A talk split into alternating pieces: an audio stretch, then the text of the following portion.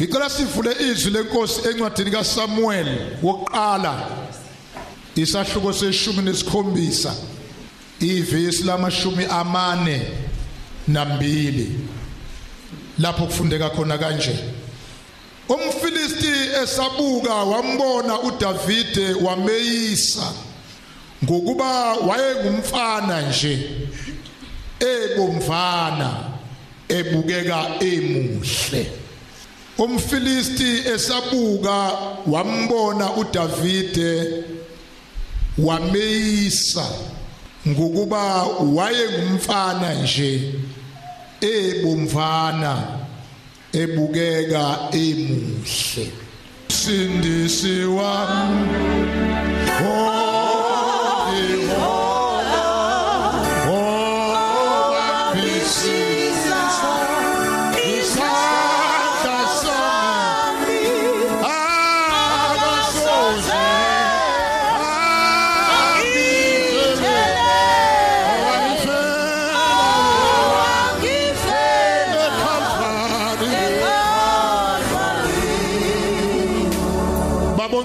Izwi lakho leli siyalamukela lona ekwazi ukuphila ngalo. Lona sikwazi ukuma ngalo. Nangesikhathi umhlaba unyakaza. Sondle usuthise ngalo nabasha bethu. Nabadala bethu kuzodunyiswa wena wedwa. Nomlaleli olalelele ilizwi egameni lika Jesu. Amen. Kuleli verse uNkulunkulu wambule indaba ethi uNkulunkulu usebenzisa izinto ezidelelekile uNkulunkulu usebenzisa izinto ezidelelekile ukuthatha phi lokhu umfundisi? Kunegama elithi wameyisa ngokuba wayengumfana nje. Wameyisa ngokuba wayengumfana nje. La esifunda khona enye indaba eyidume kakhulu kuzehlo zonke noma indabeni zonke noma empilweni yonke kaDavide. Uma bekhona abantu abangayazi indaba kaDavide noGoliath bambalwa ngoba noma ngangena nje endaweni okuyijatshuliswa kuyo noma ngani ngithi ubani owashaya uGoliath? Ngaphendulwa noma ubani nje asho ukuthi uDavide. Kodwa kukhona into engifisa sibuke kule ncwadi namhlanje. uDavide la sizwa kukhulunywa khona kanje ukuthi wayeyiswa uGoliath. Indlela afika ngayo wayengezile empini wayengelona isosha uDavide. uDavide wayemelusi umelusi wezimvu zikayise uJese. wayengahlali futhi uDavide ekhaya wayihlala eyimvini isikhathi sakhe sonke. Mina njengomfana oweluso wakhulelusa ngiyazi ukuthi izinto zelusayo noma imhlobo lwemfuyo olwelusayo ugcina unuka lona mawunulusa imbuzi ugcina unuka njengezimbuzi mawulusa inkomo ugcina nawe unuka njengeinkomo uDavide wayenephunga lezimvu. Amangali futhi ukuthi uDavide kwaba yini mhla kufike uSamuel uSamuel ekusikhulu kubo kaDavide kuzogcotshwa inkosi ezolandela uSawuli kodwa uDavide wayengekho ngoba kwaba umuntu wezimfu Lithi iBhayibheli uDavide mayifika la ufika nje uthunywa uyise. Awuthuthunyiwe. Ufika nje uthunywa uyise uDavide umthume ukuba alethele abafowabo ukudla akezile njengesosha lithi iBhayibheli ke wayiselalela uDavide wahlonipha uyise uyise uma emthuma. Uyise ubaba wakhe uma imthuma ethi mfana hamba uyonikeza abafweni ukudla. Uyise kaDavide wamlalela uDavide. uDavide wayeuhlobo lomuntu omusha osamlalela uyise. Noma ngabe akakwazi ukukhuluma isingisi kodwa wayemlalela uyise. Noma akakwazi ukuchofoza iTV ashintshe onke ama-channel kodwa wayemlalela uyise. Noma ngabe uyise akakwazi ukungena ku-WhatsApp nako-Facebook naku-internet kodwa uDavide wayemlalela uyise. Noma ngabe uyise kaDavide wayekecinga izibuko kodwa ehlome ekhanda athi ake ningicingeleni izibuko kodwa mayisemthuma uDavide wayemlalela uyise. Umthumana uDavid umthuma ukuthi akahambisela abafowabo ukudla. Lo muntu amthumayo walandwa mhla engekho eh, kuzogcotshwa wayisebizwa wayesethi wayesethi uNkulunkulu kuSamuel uyena ke lona eh, eh, ozogcotshwa beyinkosi. Wabuyela khona emvini ngeke indlela uthunywa nje usayigcotshiwe kodwa wagcotshwa waqeda wabuyela khona emvini. Ngikhulume lento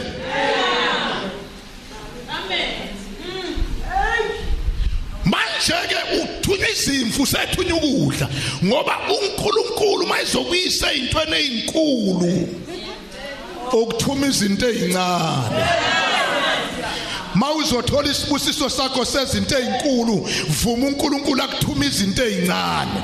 Siphila einsukwini ezinzima lapho khona bonke abantu befuna ukuya phezulu engekho safuna ukuthunywa. Ungajaha ukuyasa intweni eziphezulu uma ezintweni ezincane ungakaphelelisi. Yenza kahle intweni ezincane safika isikhathi sokuphakanyiselwa intweni eziphezulu awuthi ngiyehlisele phansi kancane. Ujahelana ukuyoshada ube umama usibanibani usehlulwa uphuthu. Alufuthu uphuthu qala. Kuthi welwazi lwamnandi uphuthu lwekhane yala ekhaya. Ujahelana ufuna iringi. Uphuthu sathi mathe siyaludla sihlangane nempuphu pheka uphuthu hayi khuluma ngude kakhulu khuluma nawe usaduze kwakuthe walufuthu uphuthu lwakho. Umshado yedla qala lufuthu uphuthu.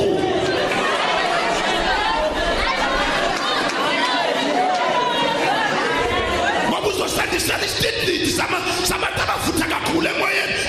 Kodwa behlulwa uphuthu bese kuthiwa kunamadimoni ingane yethu ayikhonza kahle isencane kodwa mzini ayihlezi kahle kanti ihlulwa uphuthu siyodilaya-ke sithi amadimoni siwabiza siwakhuza ngegama likajesu kanti luhlaza uphuthu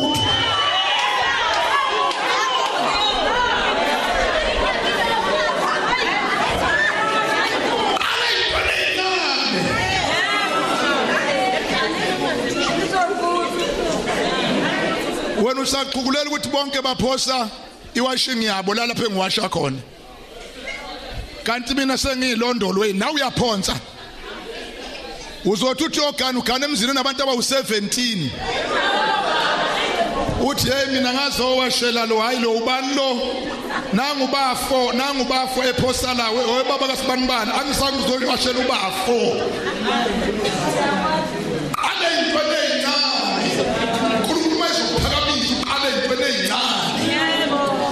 Ngihlushwe abantu ngoba ngicelwa ezikoleni nalezi esino grade R.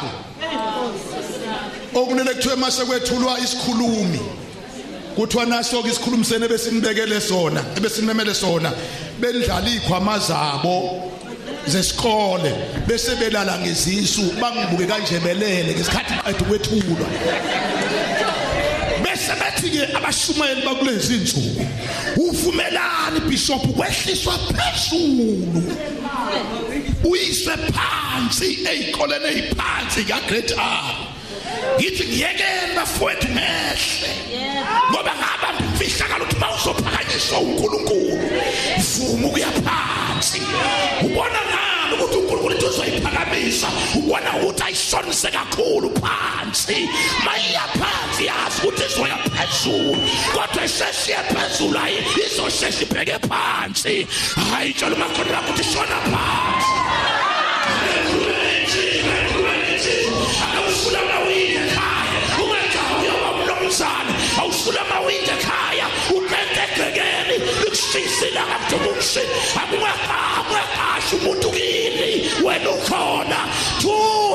Davide thunywa Davide musujaha uphatha ithawule ebomvu nesute nembhali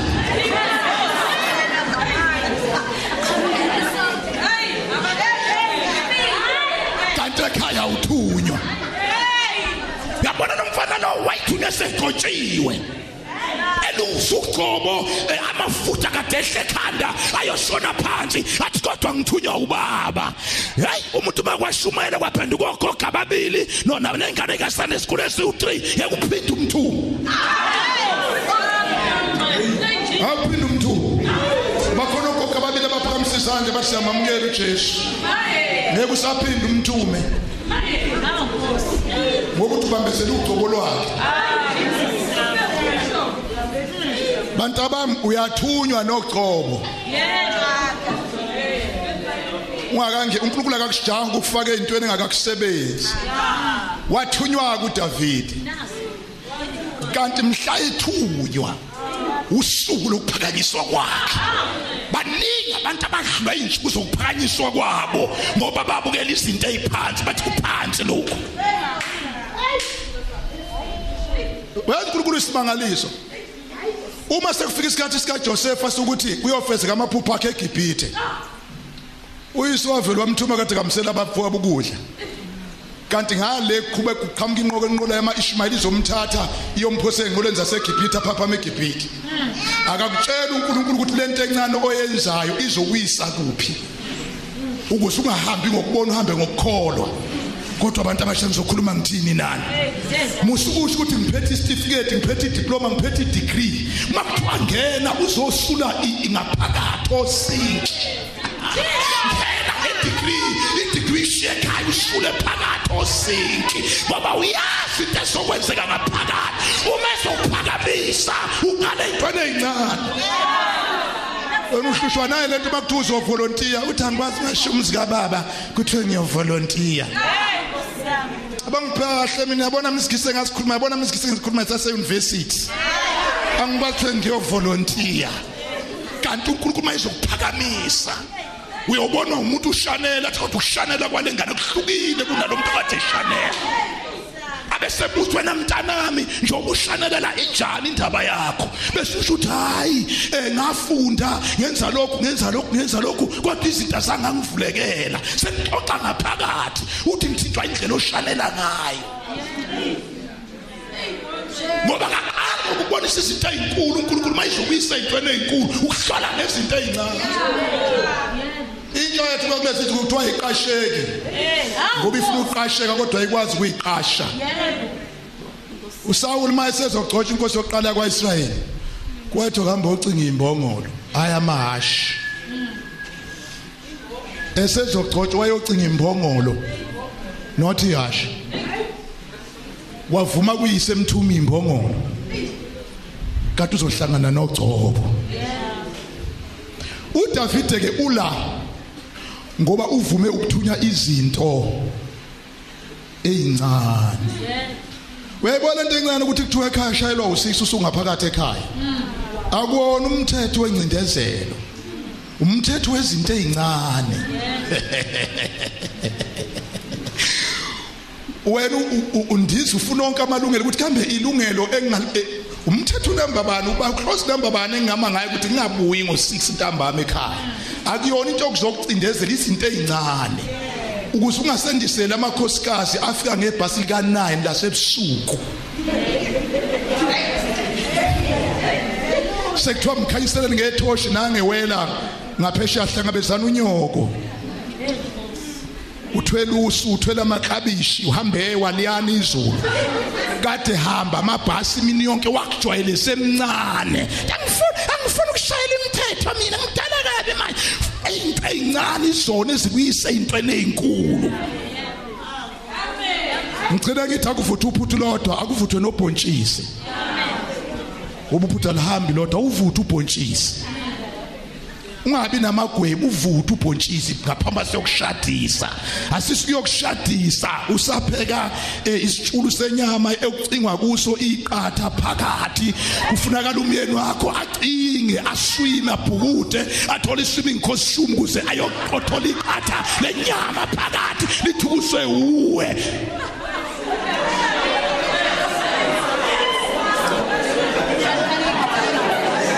Oh bengithi ngizokhuluma ngokuhluthwa kaJesu cha ngikhuluma ngokuthi uNkulunkulu.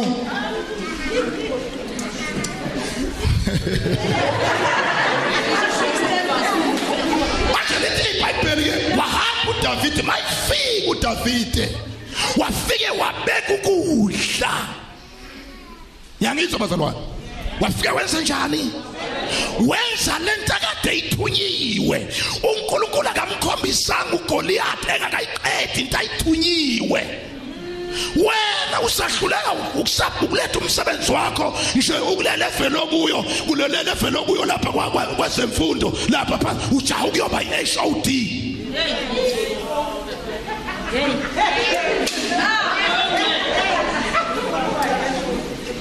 kanti awukenzi ngcono. Udavide wafike wabeka ukudla kubafowabo.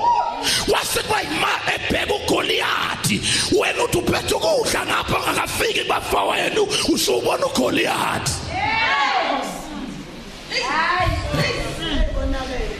yenza umsebenzi owodwa ngesikhathi. Athi uNkulunkulu yes. Bese akudlulisela phambili. Yizwa kumbuzo mase ngiya ngasekugcineni. uNkulunkulu uthatha izinto eziphansi ezidelelekile ufika abafowabo kunesikhwaga sesihlale isikholosha insuku eziwu40 mashumi amane.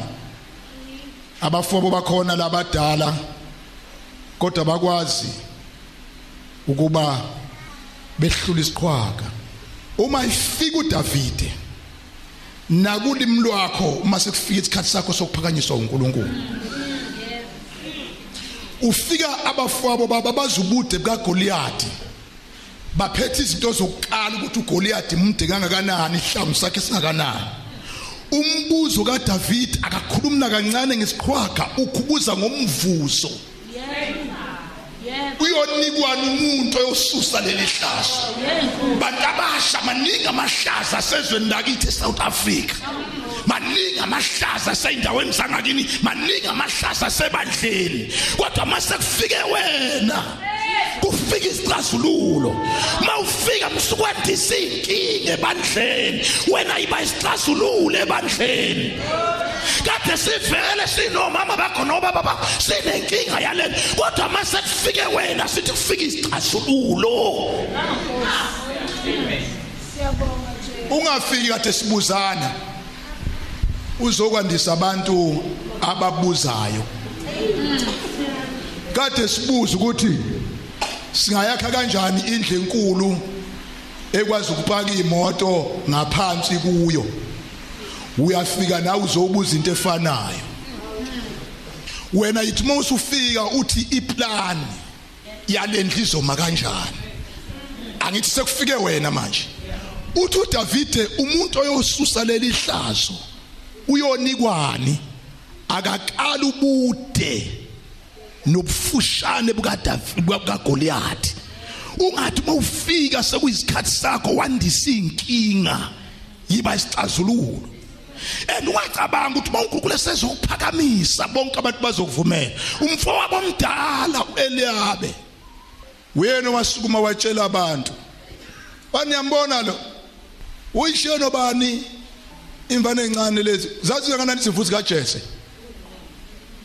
Kodwa ngenxa ukuthi umfowabo ayifuna ukumehlisa kwezinye ikhathi empilweni awuzuvinjwa awuzukwenzelwa phansi umuntu ongamazi. Uzokwenzelwa phansi umuntu okwaziyo. Kuze kusho wena uthi awukodwa uyihlobo segazi. Wena ongenzela phansi. Baningi abantu abangaphumelelanga abazonda abanye abantu abazonda omakhelwane abazonda abanye abantu kanti inkinga ikubantu begazi lakhe. Yibona bathi awazi kwathi kwathi kwathi angikhulume. Kufika umuntu kusethi kumuntu ke ayi yazi sengifuna ukuthatha. Kodwa ngibona nangu sibanibani ngisaxoxa nje la ngalibeki udaba lwami?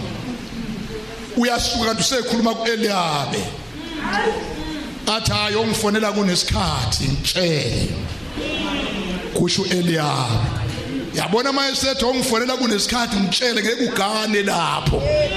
Ngoba uEliyabe uzochaza ukuthi ulala uzuvuke ngasikhathi sini. Ngoba uEliyabe wazi ukuthi uzuhlatshwe ilanga usengutsheni. uEliyabe uyena umuntu owenza ukuthi aqotolikele abanye abantu izinto ezingaziwa umuntu ngawe ukuthi wena unjani. Kodwa mase kuyisikhathi sakho musu lokhu beleselene noEliyabe. Lithi iBhayibheli uDavid wavele wamfulathela uEliyabe. Uma uthi ufuna ukwenza idegree kube khona umuntu othi ngeke uyenze idegree mfulathele lo muntu. Uma uthi ufuna ukwakha indlu angiyangishwa kodwa uthi ufuna ukwakha indlu u10 room iphumuza umama kade ahlala ku3 room athi ngeke ukwenze kumfulathele lo muntu. Ngizokufaka umoya wokufulathela namhlanje. Abantu abathi ngeke kube yilutho wazalwa ngaphandle komshado. Ngeke kube yilutho wake wakhulela usemncane wathola umntwana. Mase kuyisikhathi sakho bafulathela abantu abakhuluma ngezinto ezithi awulutho. Lithi iBhayibheli wayesemfulathela uDavide efulathela uEliyabe.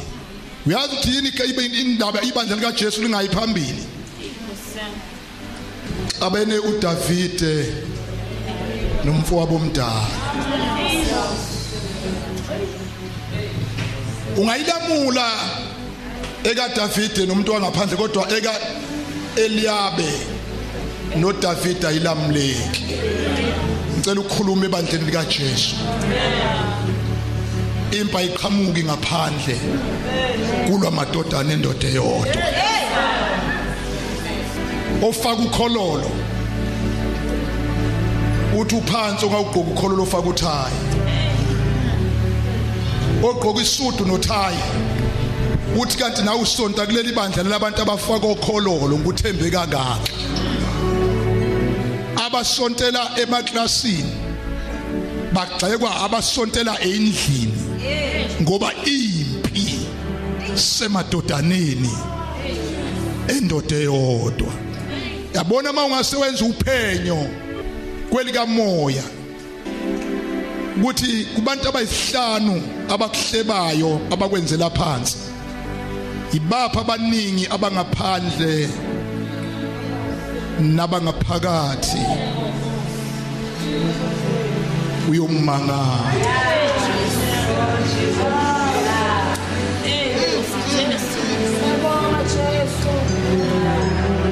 Yomangala impi iphakathi kwamadodana namadodakazi endoda eyodwa.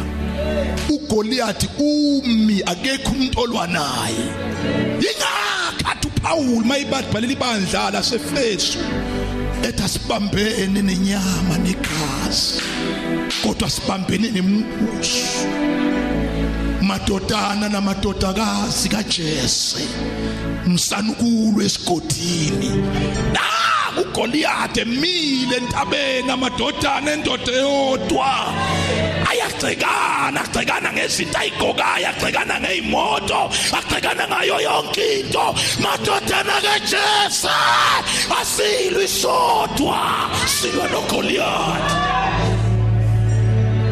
Eliyabe awungcono kunoDavide. Davide awungcono kunoEliyabe noma ngabe Eliyabe ukhonzela esikoleni eklasini awungcono Davide wena okhonzela endlini ama-tiles siza moya kaNkuluNkulu. Wena Davide ose high school amncane kuno Eliyabe ose university ngoba kulamabandla esiwaholayo amanye amaqembu phakathi kaDavide noEliyabe ahlukaniswa amazinga emfundo nokuthi wafunda kuphi. Kuneqeqebana lapha elishayo otherwise no because no nevertheless elapha ekhonini bese kuzoba khona elinye. Ehluleka na ukuthi i love you elithi i love you.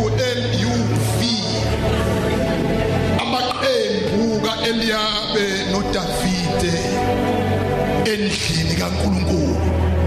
Uma ungayinaki lento ikhona iyaphila. Wafundaphi? Wafunda nobani? Wafundani?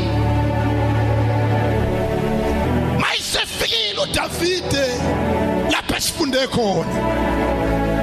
Eseyiphasile noma eseyiphumelele ipi kaEliyabe ngokumfulathela. Angadluli kalula uzophelelwa amandla uma ulwa nomfowenu. Uzophelelwa amandla mawulwa nodadewenu. Uzophelelwa amandla mawulwa endlini yakwenu. Uzophelelwa amandla ekwazi ukuthandaza ulwa endlini yakwenu. Noma uyadumisa uzodumisa ngey'ndebe zomlomo kodwa inhliziyo yakho ikude nonkulunkulu yekuphumelela ulwendlini unezitha endlini yakwenu. Ekuphumelela ulwa endlini yakwenu. Qedelana amandla ulwa endlini yakwenu. Phumelela ngento yodwa uDavid wamnika umhlane. Ngalokhu buza kwakusempompini? Kwakuphi? Kwakuse staff room bengihleba. Kwakusemotweni yestaff ubani wayikhuluma kakhulu? Chitha isikhathi sakho. Phendula umhlane. Phendula umhlane.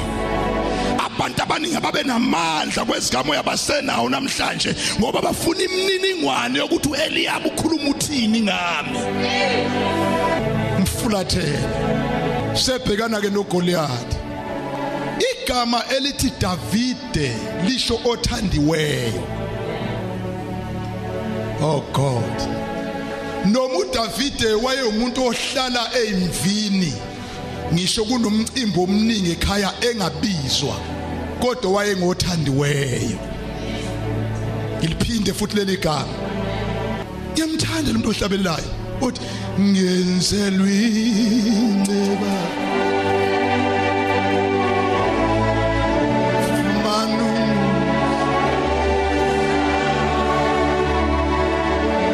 Asempila uthandiwe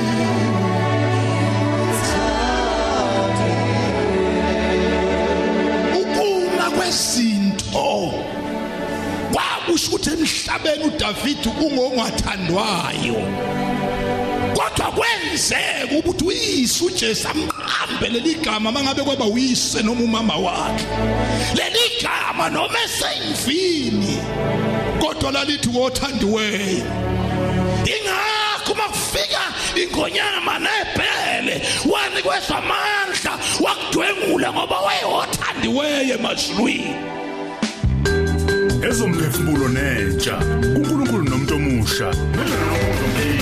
Ukhozi FM